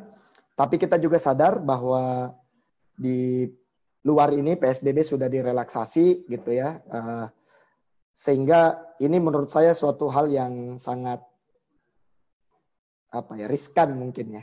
Di mana life udah kayak as usual ya, cuman walaupun kita juga tahu COVID-nya sendiri belum belum terkendali secara baik, sehingga akhirnya kami memutuskan waktu itu um, WFH, work from home masih tetap lanjutkan, tapi kita akan buka premis kantor kita, uh, di mana kantor ini sekarang kita bereskan, kita buat semacam hot desk sekarang, dan kita limit uh, kapasitasnya sesuai protokol, hampir 2 meter uh, jarak masing-masing kursi, sehingga kapasitas kantor kita jadinya lebih berkurang. Siapa yang ingin menggunakan kantor tadi akan uh, akan kita register dulu gitu. Jadi dan harus mematuhi protokol tertentu. Tapi uh, ibaratnya work from home with the option to come to come to the office is if needed gitu. Supaya paling nggak jika teman-teman pengen bertemu secara fisik dengan timnya, dia nggak harus saya takut mereka malah ke mall dan sebagainya gitu ya. Jadi daripada ke situ mending kita uh, buat ini dan ini control environment dan kita juga monitor very closely. Ya, uh, ini ibaratnya pengalaman kita tiga bulan ini lebih ya sangat menarik. Mungkin satu dua bulan pertama uh, productivity malah naik, kita nggak capek naik uh, apa naik kendaraan dan sebagainya.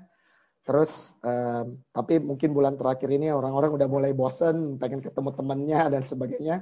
Sehingga kita juga lagi pikir, oke okay, mungkin from time to time uh, asal mereka mematuhi protokol, um, dia boleh datang sekali-sekali tapi we still discourage them ya, dan kita juga selalu cari cari-cari tahu cara supaya bisa tetap kerja asik bisa tetap silaturahmi walaupun uh, dalam kondisi yang very challenging seperti ini. Mungkin itu dari saya uh, bapak dan ibu saya kembalikan dulu ke moderator. Terima kasih baik terima kasih pak Ahmad atas presentasinya luar biasa Pak. Ini apa namanya memberikan insight yang baru buat kami ya Pak ya dan seluruh peserta yang ada di sini. Baik rekan-rekan semua kita berikan aplaus kepada Pak Rahmat yang sudah memberikan materi yang luar biasa buat kita semua. Oke, secara singkat saya coba uh, simpulkan dari materi tersebut. Uh, Pak Rahmat tadi sudah cerita tentang bagaimana tentang sejarah Bukalapak ya dari sebuah kamar kos dengan modal 80.000 menjadi perusahaan yang sebesar sekarang gitu kan. Selanjutnya juga apa aja needs employee-nya ternyata setelah diulang-ulang berapa kali survei ya kembali lagi ke yang uh, kalau salah 5 atau 6 item tadi. Dan yang menarik sebenarnya tadi value-nya Bukalapak ya tadi value-nya itu ada 6 baik berbahasa Indonesia atau bahasa Inggris terutama yang gotong royong tuh Pak itu saya miss juga tuh tadi dengan apa uh, value-nya. Dan customer-nya sudah sangat banyak dan bagaimana terakhir uh, Pak Rahmat cerita tentang interaksi uh, dengan karyawannya. Itu ada satu salah satu namanya platform Ibu Susi ya Pak ya, tadi namanya itu sangat apa uh, mudah diingat platform untuk interaksi dengan karyawan. Baik, terima kasih. Selanjutnya, sebelum masuk ke sesi tanya jawab, kita akan masuk ke sesi quiz ya. Jadi mungkin pertanyaan cukup dulu. Yang ngetik-ngetik pertanyaan tadi udah banyak sekali, ada berapa puluh pertanyaan. Nanti kami pilih pertanyaannya siapa apa aja. Uh, kita akan masuk ke sesi quiz. Jadi sama nanti rekan-rekan uh, kita kasih kesempatan untuk menjawab ya. Langsung ketik di uh, chat room yang sebelah kanan bawah dari pertanyaan tersebut akan ada enam pemenang ya, enam pemenang yang bisa menjawab secara benar dan beruntung ya. Jadi ini patokannya benar dan beruntung ya, bukan dulu-duluan. Jadi nggak perlu buru-buru ya. Jadi nanti setelah ini saya sebutkan pertanyaannya langsung dijawab, diketik di situ. Nanti akan ada tim kami memilih. Oke, pertanyaannya adalah sebutkan empat dimensi atau komponen dari employee value proposition. Oke, saya ulang lagi ya. Sebutkan empat dimensi atau empat komponen dari employee value proposition. Ya, silahkan ya, langsung diketik di chat room ya. Oke, silahkan langsung diketik. Nanti eh, apa tim kami akan memilih siapa yang kira-kira apa namanya eh, menang ya di situ. Akan dapat hadiah menarik dari dari kami, dari panitia. Ya, silakan. Baik, sambil eh, peserta apa mengetik jawaban, kita akan rehat sejenak ya, sekitar uh, satu menit dengan menyaksikan uh, video dari Sinar Mas Mining yang bercerita tentang bagaimana HR portal yang kami baru saja develop untuk berfungsi sebagai one-stop employee services bagi karyawan kami, sehingga uh, menjadikannya journey of employee experience ya. Semoga nanti video ini bisa memberi insight buat rekan-rekan semua. Baik, silakan diputar videonya.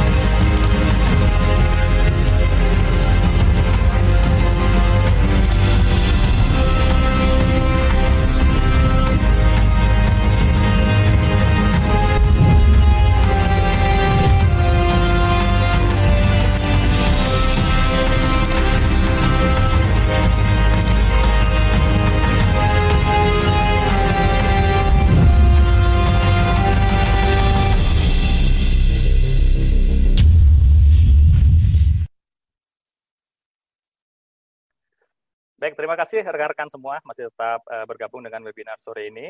Kita sekarang akan masuk ke sesi tanya jawab ya. Tadi udah banyak sekali pertanyaan-pertanyaan masuk dan akan kami uh, coba uh, masuk apa? Kita coba buka sekarang ya pertanyaan-pertanyaannya. Oke, pertanyaan pertama ini kami akan ajukan kepada Pak Satyo ya. Uh, pertanyaan pertama dari uh, Dwi Adi Darmawati ya Pak.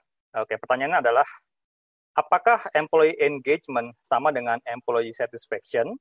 Dan bagaimana cara Sinar Mas Mining mengukur kadar engagement employee? Silakan Pak Satyo. Ya, jadi kalau sebelum saya jawab, mungkin tadi ada yang bertanya, saya sempat jawab teks ya, um, karena waktunya ya. Jadi nanti pertanyaannya semua akan dijawab dan di replay ke email kalian. Yang kedua, materi ini kalau bisa panitia bisa share uh, bersamaan dengan uh, sertifikat yang nanti uh, Pak Rahmat sama saya bisa kasih uh, sign ya. Jadi kalau tadi ditanya, sebetulnya satisfaction itu impact. Jadi dia laggingnya, Pak. Jadi kalau uh, employee satisfaction-nya bagus, itu berarti engagement-nya juga mengekor, karena engagement ini leading. Nah, dari engagement ini yang tadi harus harus uh, enablement-nya harus dibangun, engagement-nya harus dibangun. Engagement itu tadi ada direction, uh, apa itu ada support, ada resources, gitu. Itu, oke? Okay? Baik, terima kasih Pak Satyo. Uh, selanjutnya kita masuk ke pertanyaan kedua untuk Pak Rahmat, ya. Uh, Pak Rahmat, ini ada pertanyaan dari Ibu Francisca Rini Ekasari ya. Uh, what is the most painful part when doing transformation and how to overcome itu? Monggo Pak, silakan. Ya, um, menarik juga sih ya. Uh, painful part. Jadi kadang-kadang begini sih, memang kalau kita melakukan suatu perubahan ya, uh, ya saya coba berhenti dulu, mikir dulu. Tapi intinya gini, kalau kita kita melakukan perubahan, kadang atau kita biasanya berkompetisi ya, ibaratnya berperang gitu kan. Biasanya kan kita berperang lawan musuh ya. It's very very clear ya eneminya apa gitu dan sebagainya. Nah, sementara kalau kita melakukan transformasi, ini sesuatu yang uh, kita kerjakan bersama-sama dengan people yang karyawan kita, orang-orang dekat kita gitu ya, keluarga kita lah ibaratnya ya. It's our our side gitu. Nah, um, jadi pada saat kita melakukan transformasi itu memang eh, yang beratnya itu ditujukan pada saat kita mencoba meyakinkan ya, meyakinkan uh, semua bahwa this is what we need to do and uh, mencoba apa and this is what needs to be done. Karena pasti biasanya itu ada konflik-konflik gitu kan, konflik-konflik. Sementara di kita itu kayak eh, ini kita udah tahu we are part of the family. Uh, ini niatnya baik gitu. Kita mau melakukan ini buat kebaikan kita semua. Tapi pasti ada aja konflik yang kita lakukan gitu ya bersama dengan teman-teman ini. Which is necessary which is important nggak apa-apa. Tapi ya buat saya pribadi sih ibaratnya berantem sama teman sendiri itu atau berkonflik dengan teman sendiri itu lebih painful kan daripada sama musuh. Kalau musuh kan jelas gitu ya. Uh, so it's relatively uh, tiring tapi memang ujungnya sih kalau kita bisa kerjakan ini dengan baik gitu ya, uh, it will be very very rewarding um, di situ. Mungkin itu Pak. Baik, terima kasih Pak Rahmat atas jawabannya. Semoga bisa Bu yang apa penanya tadi udah terjawab ya Bu ya Bu ya. Oke, selanjutnya kita akan bikin pertanyaan secara live ya supaya interaktif. Tadi cuma tadi yang pertama saya bacakan. Selanjutnya kita pertanyaan secara interaktif. Sudah kita pilih ini uh, siapa yang akan apa namanya uh, live ya di sini. Untuk pertama, kita ini pertanyaannya kepada Pak Satyo ya, uh, akan dibawakan oleh Bapak Tommy F. Rumengan. Ya, Pak Tommy, udah siap Pak? Udah bisa apa namanya? Uh, coba dites Pak, unmute. Pak Tommy F. Rumengan. Siap. Terima ya, kasih Pak, langsung, Pak Widya. Langsung, Pak. Ya. Oh ya, Pak Satyo, perkenalkan saya Tommy dari Depok. Salam kenal Pak, maaf saya belum. Salam kenal yang, Pak Tommy. Yang ingin saya tanyakan Pak, dalam proses yang dilakukan dari traditional way ke modern way mungkin mirip seperti yang tadi sudah sempat ditanyakan ke Pak Rahmat. Uh, kendala yang paling banyak dan yang menurut Bapak paling susah pada saat proses itu apa Pak? Pada saat perjalanan pengalaman kemarin untuk dari tradisional ke modern way-nya. Kira-kira itu pertanyaan dari saya. Terima kasih, Pak. Nah, ini bagus nih. Uh, ini sebetulnya bagian dari apa journey kita ya rahasia terbesar. Jadi kesulitan kita kadang-kadang kalau ketemu bisnis sama yang punya uang, CFO, itu you punya ROI berapa, you punya profit berapa dengan uh, spending you. Padahal kita meyakinkan ini bukan spending, ini investment. Tapi kan CFO selalu men-challenge. Jadi yang kita lakukan Pak, mungkin bisa uh, teman-teman bisa terapkan juga bahwa cari platform teknologi yang betul-betul berimpact ke bisnis langsung. Lead, jangan lag. Yang lead itu adalah performance management platform. Karena itu akan mengenerate revenues, kemudian dari revenues akan ada percentage bonus yang dibagi, insentif yang dibagi, dan uh, uh, uh, shares yang dibagi. Which is CFO dan part of the bosses itu juga menikmati. Nah, kalau itu sudah lolos, Pak, baru masuk ke yang lainnya Misalnya Bapak mau bikin platform uh, administrasi menjadi uh, robotics dan sebagainya, itu akan gampang. Karena Bapak sudah proof dulu di, di apa di lead impact-nya. Saya dulu masuknya ke performance management dulu, Pak. Karena itu lead impact ke dollars dan ke revenues. Sehingga setelah kita buktikan berhasil, maka inisiatif yang lain sampai ke HR Cloud, tadi yang tanya, bagaimana meyakinkan manajemen, investasinya kan besar, justru berangkatnya dari uh, performance management. Dan kita selalu menghitung ROI-nya, Pak. Mereduce headcount ratio productivity itu kita report setiap bulan. Sehingga dengan menggunakan platform, maka kita akan bisa menurunkan uh, head cost. Kemudian kita juga bisa merotasikan orang yang diturunkan tadi ke tempat lain yang diperlukan. Sehingga internal vacancy ada, terminating nggak ada. Karena kita uh, uh, menggunakan uh, people sebaik mungkin untuk di-deploy ke bisnis. Thank you. Baik, terima, terima kasih, kasih Pak, untuk ya, jawabannya Pak. Baik, terima kasih Pak Satyo, terima kasih Pak Tommy. Selanjutnya ya, pertanyaannya kasih. kepada Pak Rahmat ya. Ini akan diajukan secara live. Uh, kami beri kesempatan kepada Ibu Sandra Kosasih untuk mengajukan pertanyaan uh, secara live. Bu Sandra, silakan di unmute terus langsung ini uh, live mengajukan pertanyaan.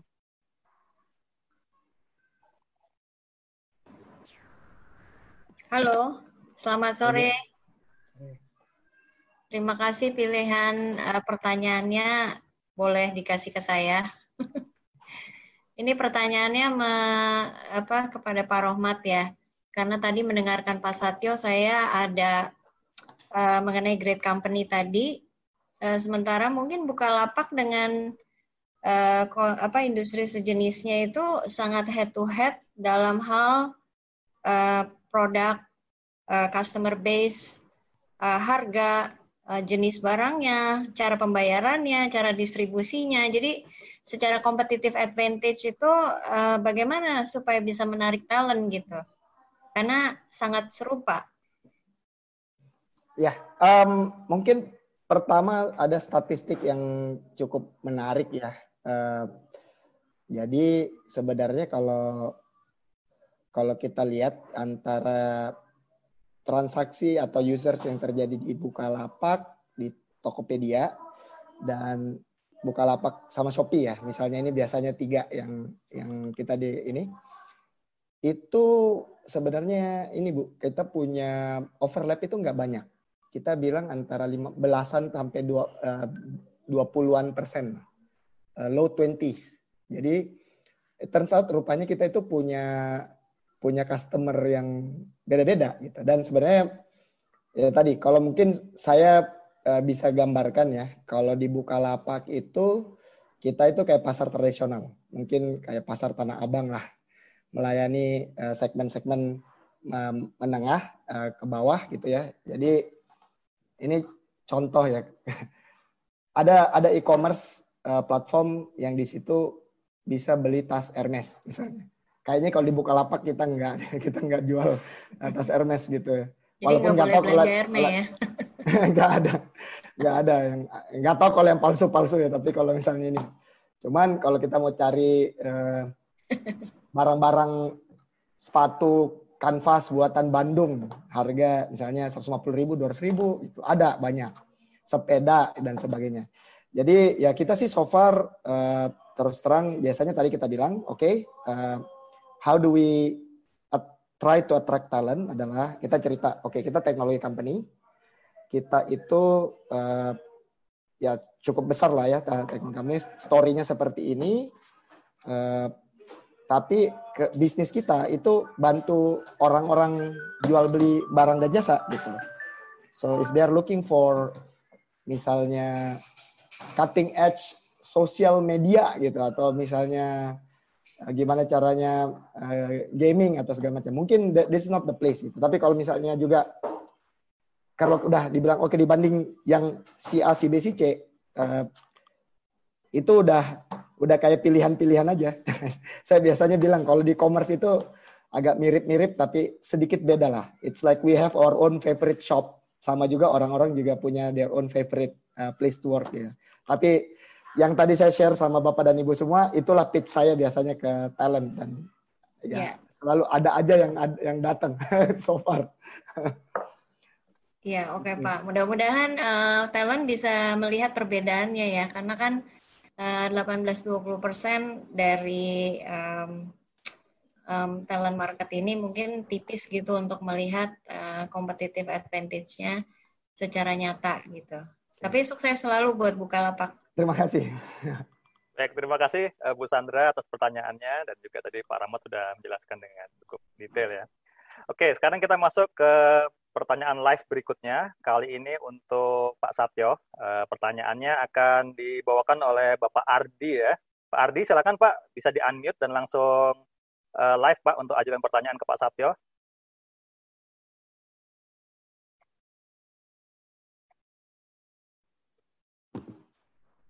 Pak Ardi, silakan.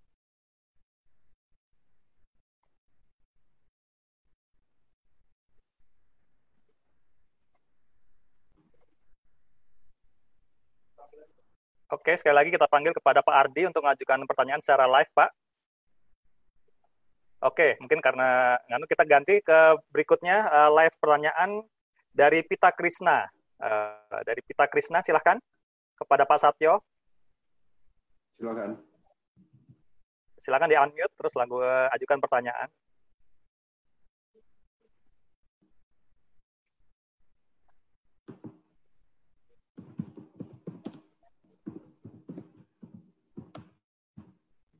Halo.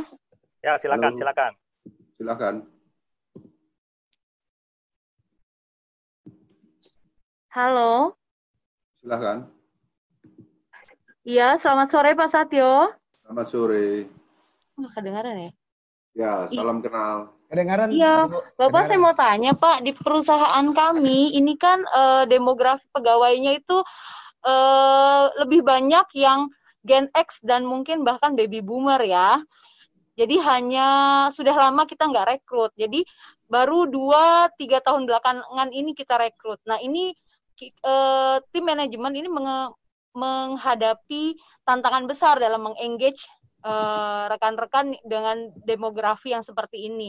Jadi di suatu saat kita mau mengengage uh, para milenial, tapi di sisi lain dengan cara dengan cara yang cara yang tadi Bapak sampaikan ya, tapi di sisi lain ini uh, resistensi dari para pekerja yang aging tadi ini masih cukup besar Bapak. Nah, untuk menjembatani keduanya gimana ya Pak? Terima kasih. Ya, jadi kalau di tempat kami itu kan ada korporasi ya. 60 eh, perusahaan itu ada korporat set service namanya. Korporat set service ini melayani bisnis-bisnis yang menjadi naungan di Sinar Mas Mining Group. Which is itu ada milenial, ada baby boomers, ya, ada Gen uh, Y, Gen X, macam-macam. Jadi peranan pertama adalah di HR business partnernya. Jadi HR business partnernya ini harus membuat EVP masing-masing di bisnis-bisnis yang membutuhkan milenial sehingga kebutuhan-kebutuhan milenial dengan Y, X, dan baby boomers itu bisa terpenuhi. Itu yang pertama. Yang kedua adalah menciptakan eh, tadi kalau kita baca eh, working environment itu termasuk di bagian enablements. Working environment ini juga harus dibuat. Misalnya kalau bisa eh, model ruangan kerja itu udah kayak Google Office begitu ya. Ketika misalnya buka lapak, Tokopedia, mereka fancy gitu. Nah, itu juga bisa attract people. Yang ketiga, menciptakan budaya yang sesuai dengan uh, uh, milenial. Jadi budaya itu bukan hanya struktur uh, leadership, tapi juga di uh, struktur organisasi sampai ke uh, paket kompensasi. Jadi mereka kompensasinya beda. Anak-anak itu kadang-kadang mereka bekerja itu bukan cari gaji, tapi mereka cari eksistensi. Mereka menjadi founder, co-founder. Nah, kita harus ciptakan mainan itu sehingga gap-nya itu bisa teratasi. Nah, yang paling penting adalah yang nomor empat, bisnis modelnya harus dibuat berbeda. Kalau ibu uh, mencampurkan bisnis uh, current dengan teknologi innovation-nya itu jadi satu, pasti CEO-nya nggak mau nggak mau invest di uh, teknologi innovation. Nah ini sudah kita lakukan dan kita banyak melakukan perubahan. Jadi kalau bisa innovation-nya itu betul-betul lab tersendiri. Karena itu ada spending money tersendiri. Kalau sudah proven dengan global company best practice, ya, baru kita uh, bisa coba ke market di luar perusahaan maupun di dalam perusahaan.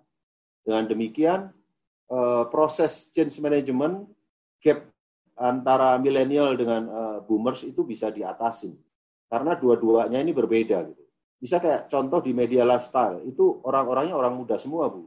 Kemudian di fintech kami itu juga orang muda semua, umur 24 sudah CEO, 26 sudah CEO. Nah itu handlingnya juga beda. Tadi kan ada business partner, kemudian ada culture yang berbeda, kemudian ada uh, fasilitas dari korporat uh, kayak sosial media, kemudian uh, feedback mechanism, kemudian platform, ada gamification. Jadi projectnya itu dibuat uh, gimmick. Kalau dia selesai project, dia dapat reward recognize. Dia bisa beli uh, mungkin nggak usah terlalu mahal. Bisa beli Starbucks bisa beli apa tapi itu udah udah seneng itu anak-anak muda itu.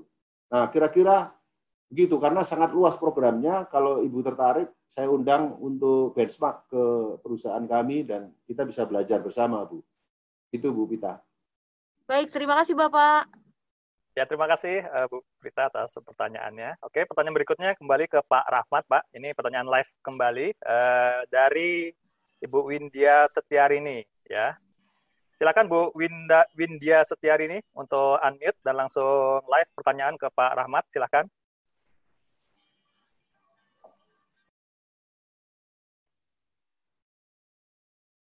Kepada Bu Windia Setiarini, kami persilakan untuk eh, mengajukan pertanyaan secara live. Silakan.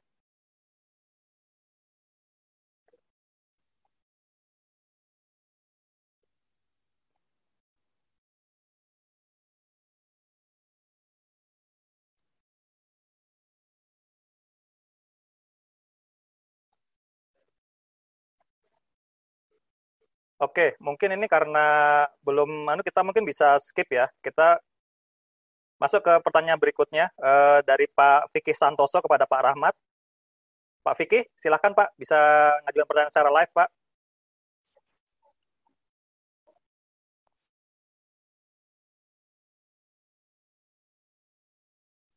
Pak Vicky Santoso, silakan. Pak Vicky, silakan masuk unmute, Pak. Pak Vicky.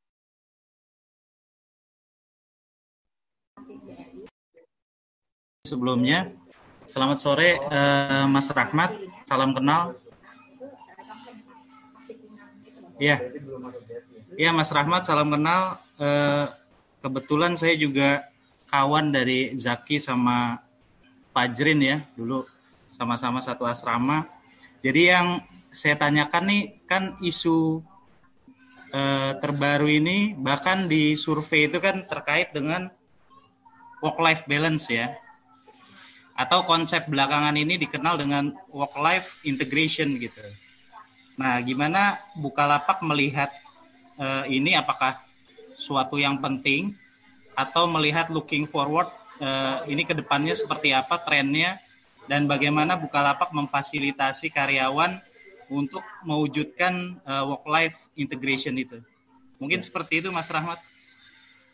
Memang Terima kasih. Ini ini ya makasih. Ini memang menarik sekali ya. Jadi kalau kita I think dari awal Bukalapak itu cukup tinggi ya pedulinya gitu ya dalam intinya uh, uh, sebelum saya masuk itu kita punya ibaratnya flexible hours gitu ya. flexible hours. Awal-awalnya malah saking fleksibelnya malah susah gitu ya, ngumpulin orang-orang gitu kan kita jadi nggak tahu. Akhirnya eh, ya ini tahun lalu lah ya sebelum covid atau terutama kita punya akhirnya kita putuskan kita punya core hours. Core hoursnya itu jam 11 sampai jam 5. Gitu. Jam 11 sampai jam 5 diharapkan uh, fast response ya. Fast response uh, datang ke kantor dan sebagainya. Karena tadinya bisa jadi ada yang nanti datang jam 3 gitu datang jam 1 Nah, tapi sekarang dengan dengan adanya uh, COVID, kita work from home, ini something yang kita harus mulai uh, rumuskan kembali ya menurut saya Mas Vicky. Dan saya belum kita belum tahu lagi apa ke depannya, tapi so far work life integration ini udah udah benar-benar terjadi karena kita sekarang kerja dari rumah. kita sekarang udah dari rumah dan bayangan saya dalam jangka waktu mungkin sampai tahun ini ya bisa jadi kita akan selalu bekerja dari rumah um, orang bisa kerja anywhere dan uh, satu punya waktu lebih panjang uh, untuk at home ya lebih fleksibel bisa ngatur-ngatur tapi sambil jalan uh, kita juga jadi harus lebih cerdas dan fleksibel untuk memastikan output ya. Jadi kita ada yeah. channel misalnya Slack ya. Kita lihat oke okay, absen dulu atau kalau sakit lapor ya, biar kita bisa monitor. Kalau dia mau ke mana uh, biar dia kita ketahui Eh, keberadaannya ibaratnya jangan sampai dia travel dia jadi super spreader misalnya kita juga perlu lapor harus izin gitu.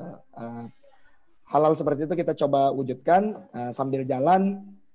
Uh, dari kita punya tim talent atau internal engagement juga kita punya beberapa hal yang yang mendorong lah. Orang itu punya hobi ya. Misalnya ada yang hobi olahraga gitu, kita coba fasilitasi atau hobi musik atau hobi-hobi yang lain kita salurkan ke situ. Atau mau belajar apa itu juga kita coba uh, fasilitasi.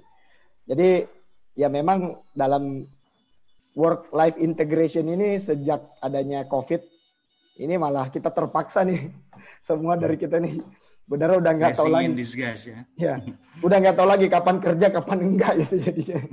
Nah malah ini malah harus kita atur juga. Uh, ibaratnya kita juga di di channel kita kita bilang, oke, okay, uh, eh, tolong jelasin juga whether you are available or not. Uh, dan kalau udah di luar jam tertentu, nggak harus loh lap, balas langsung bosnya gitu ya. Uh, karena biasanya kan takut gitu. Misalnya saya ngirim message jam di Slack ya jam atau email jam 10 malam dipikirnya saya harus dibalas jam dalam satu dua jam misalnya dia jadi nggak bisa tidur nah ini eh, ekspektasi-ekspektasi itu harus kita jelaskan intinya uh, we want everyone to be productive uh, fine we tapi uh, safety security dari semua karyawan itu nomor satu dan tentunya ke depan uh, development dia juga penting buat uh, buat buat perusahaan gitu ya buat leaders gitu itu mas Thank you Mas Rahmat. Selamat berjuang ya. Habis ditinggal Fajrin ya. Kita Mas Fajrin pindah ke Fajrin ke Telkomsel ya. Oke, okay, thank you Mas.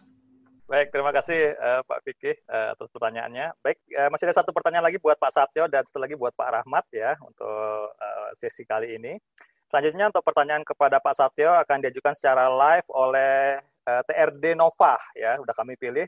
TR ini tulisannya TRD Nova ya. Udah silakan langsung bisa di-unmute dan langsung ngajuin pertanyaan ke Pak Satyo.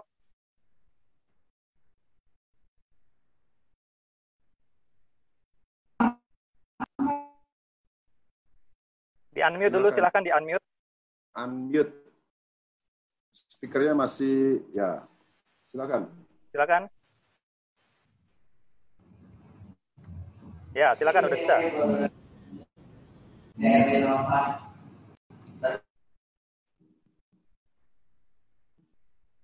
Putus-putus. Ah, putus-putus. Nah, ini dia mute lagi nih.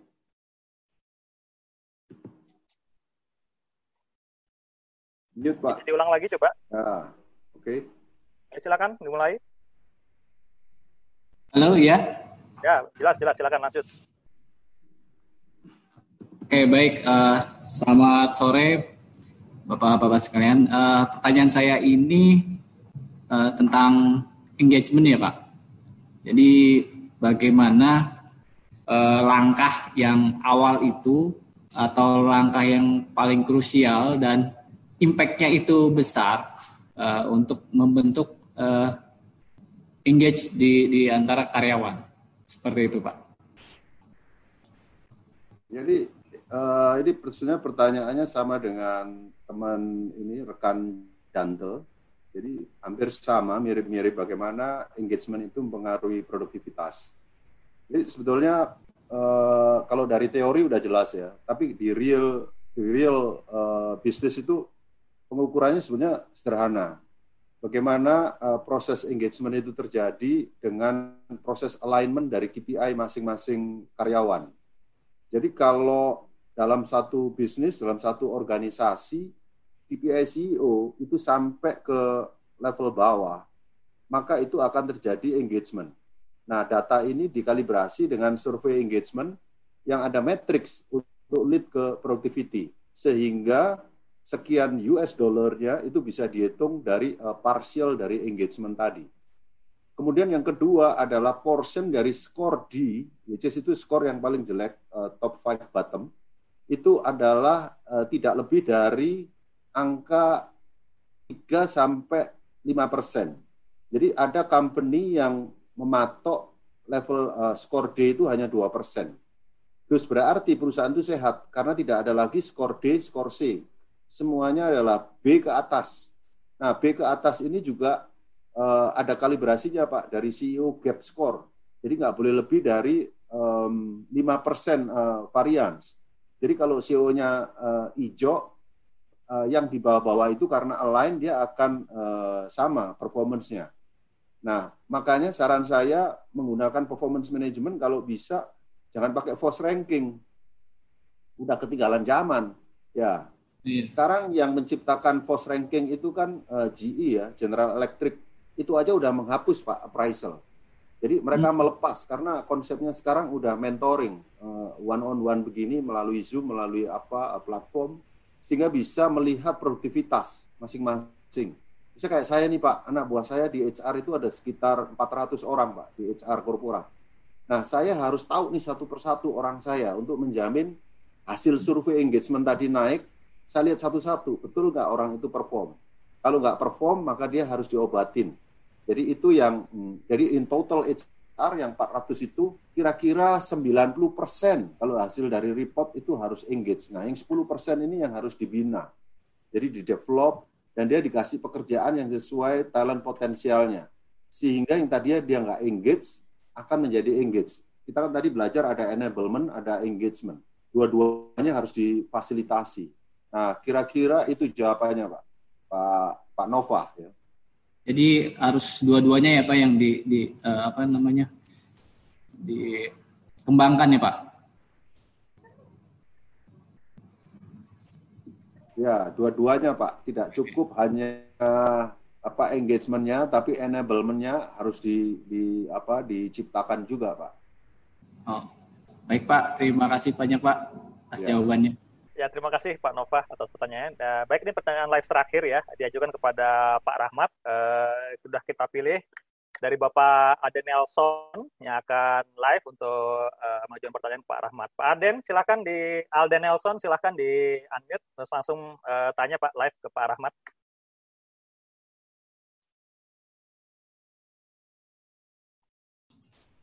Halo. Selamat sore, Pak. Halo, selamat sore Pak Rahmat. Sore, sore. sore ya. Pak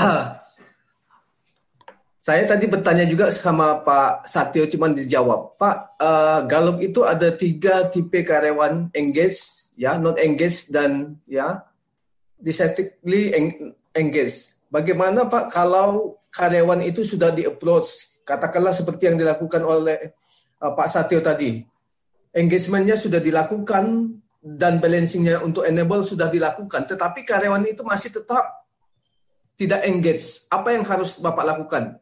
Jangan sampai karyawan itu ya determinasi, tetapi karyawan itu harus menjadi yang namanya kapital atau asetnya uh, Bukalapak itu sendiri, Pak. Betul. Um, jadi mungkin yang pertama kalau di Bukalapak itu kita ibaratnya nyontek sama beberapa perusahaan teknologi lain ya. Kita kita gunakan uh, sebagai metode untuk set Ini uh, namanya OKR ya, Objective Key Result gitu ya. Objective Key Result punyanya John Doerr, itu dipakai di Google, dipakai banyak perusahaan teknologi. Intinya kita harus jelasin objektifnya apa, key result apa yang di, dilakukan, dan tadi Pak Satyo udah bilang, harusnya itu dipisahkan dari sisi appraisal atau compensation gitu ya. Uh, ini bukan cara untuk compensate, tapi ini lebih cara untuk engage atau communicate goal perusahaan supaya kita align. Kemudian dalam OKR itu ada suatu mekanisme uh, namanya CFR ya, uh, conversation, feedback, dan recognition. Jadi ibaratnya tadi one on one dan pembicaranya itu kenapa dan sebagainya dan sebagainya dan sebagainya gitu. Dan di, diharapkan di sini uh, line manajernya juga uh, juga involve. Uh, nah, tapi dalam kita kita memberikan suatu proses itu untuk membantu uh, karyawan dan line manager agar bisa ibaratnya menyelaraskan komunikasi, menyelaraskan tujuan, ekspektasi dan sebagainya. Um, tapi yang kedua juga kita juga ibaratnya apa ya uh, punya ekspektasi performa suatu suatu kinerja tertentu dan uh, ya ibaratnya gini, ini kan kerja kerja itu sometimes bisa jadi apa ya? Um, misalnya dia tadi disengage, kita udah ngomong segala macam, dia ada kebutuhan, kita coba uh, analisa, kita coba sediakan ya. Kita bikin misalnya istilah kita itu di internally PIP ya performance improvement program gitu, gitu gimana caranya bisa diimprove performanya. Tapi kalau misalnya semua itu sudah dicoba dan gagal ya bisa jadi memang nggak ada match. Ya karena ibaratnya uh, dalam kondisi ini it's like uh, saya biasanya bilang kami di Bukalapak menyediakan pekerjaan uh, tapi karir adalah milik bapak dan ibu gitu sebagai profesional ya. Jadi di sini kita ada untuk pada saat pekerjaan yang dilakukan bertemu dengan karir yang diinginkan. Dan ya kami akan coba membuat pekerjaan itu reasonable mungkin dan membuat karirnya develop supaya sesuai tapi in the end of the day ya tadi after all these things done ya kita harus punya berani juga untuk mempunyai percakapan di mana apakah uh, karirnya beneran nih mau di sini. If you are so actively disengaged gitu ya. What are you doing here gitu. Buang umur. Dan ini juga di, mungkin ada orang yang lebih cocok gitu. Jadi ya hal-hal seperti ini juga biasa kita uh, harus sampaikan ke teman-teman Gitu Pak Alden. Baik, terima kasih Pak Rahmat dan Pak uh, Alden. Ini satu ada satu pertanyaan lagi sih sebetulnya ini menarik uh, karena untuk dua panelis kepada Pak Satyo dan Pak Rahmat. Jadi satu pertanyaan ada butuh dua jawaban ya Pak. Jadi sebagai penutup dari sesi tanya jawab ini, kita kasih kesempatan secara live kepada Ibu Debi Natasya ya. Ibu Debi Natasya, uh, silakan bisa ngajukan pertanyaan langsung ke Pak Satyo sama Pak Rahmat ya Bu ya. Langsung live Bu, unmute dan langsung live Bu.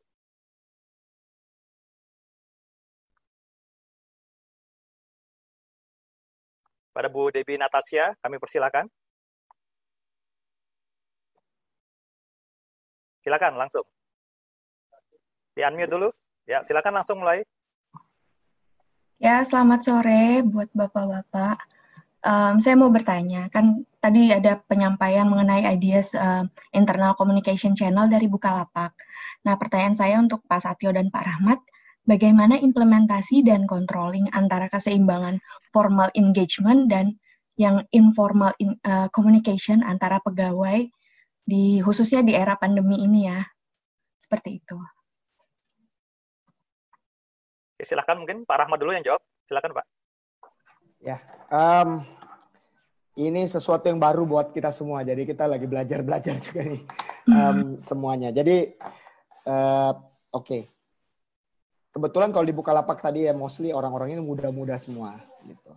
Um, ada yang juga tanya tadi saya lihat di chat, ada nggak karyawan non milenial? Ada, tapi masuk di Bukalapaknya juga baru ya. Jadi orang yang paling lama itu ya foundersnya 10 tahun dan beliau-beliaunya udah ini ya. Jadi uh, kita sekarang ini punya beberapa uh, ibaratnya mekanisme ya, di mana ada formal formal communication town hall. Kita selalu bikin at least once a month lah, di mana mm -hmm. uh, saya dan beberapa leader cerita ibaratnya kira-kira uh, what is the state of the company dan sebagainya gitu ya. Uh, kita juga isu uh, tadi happiness survey itu kita lakukan quarterly itu. Terus kita juga ada survei lebih yang lebih basic.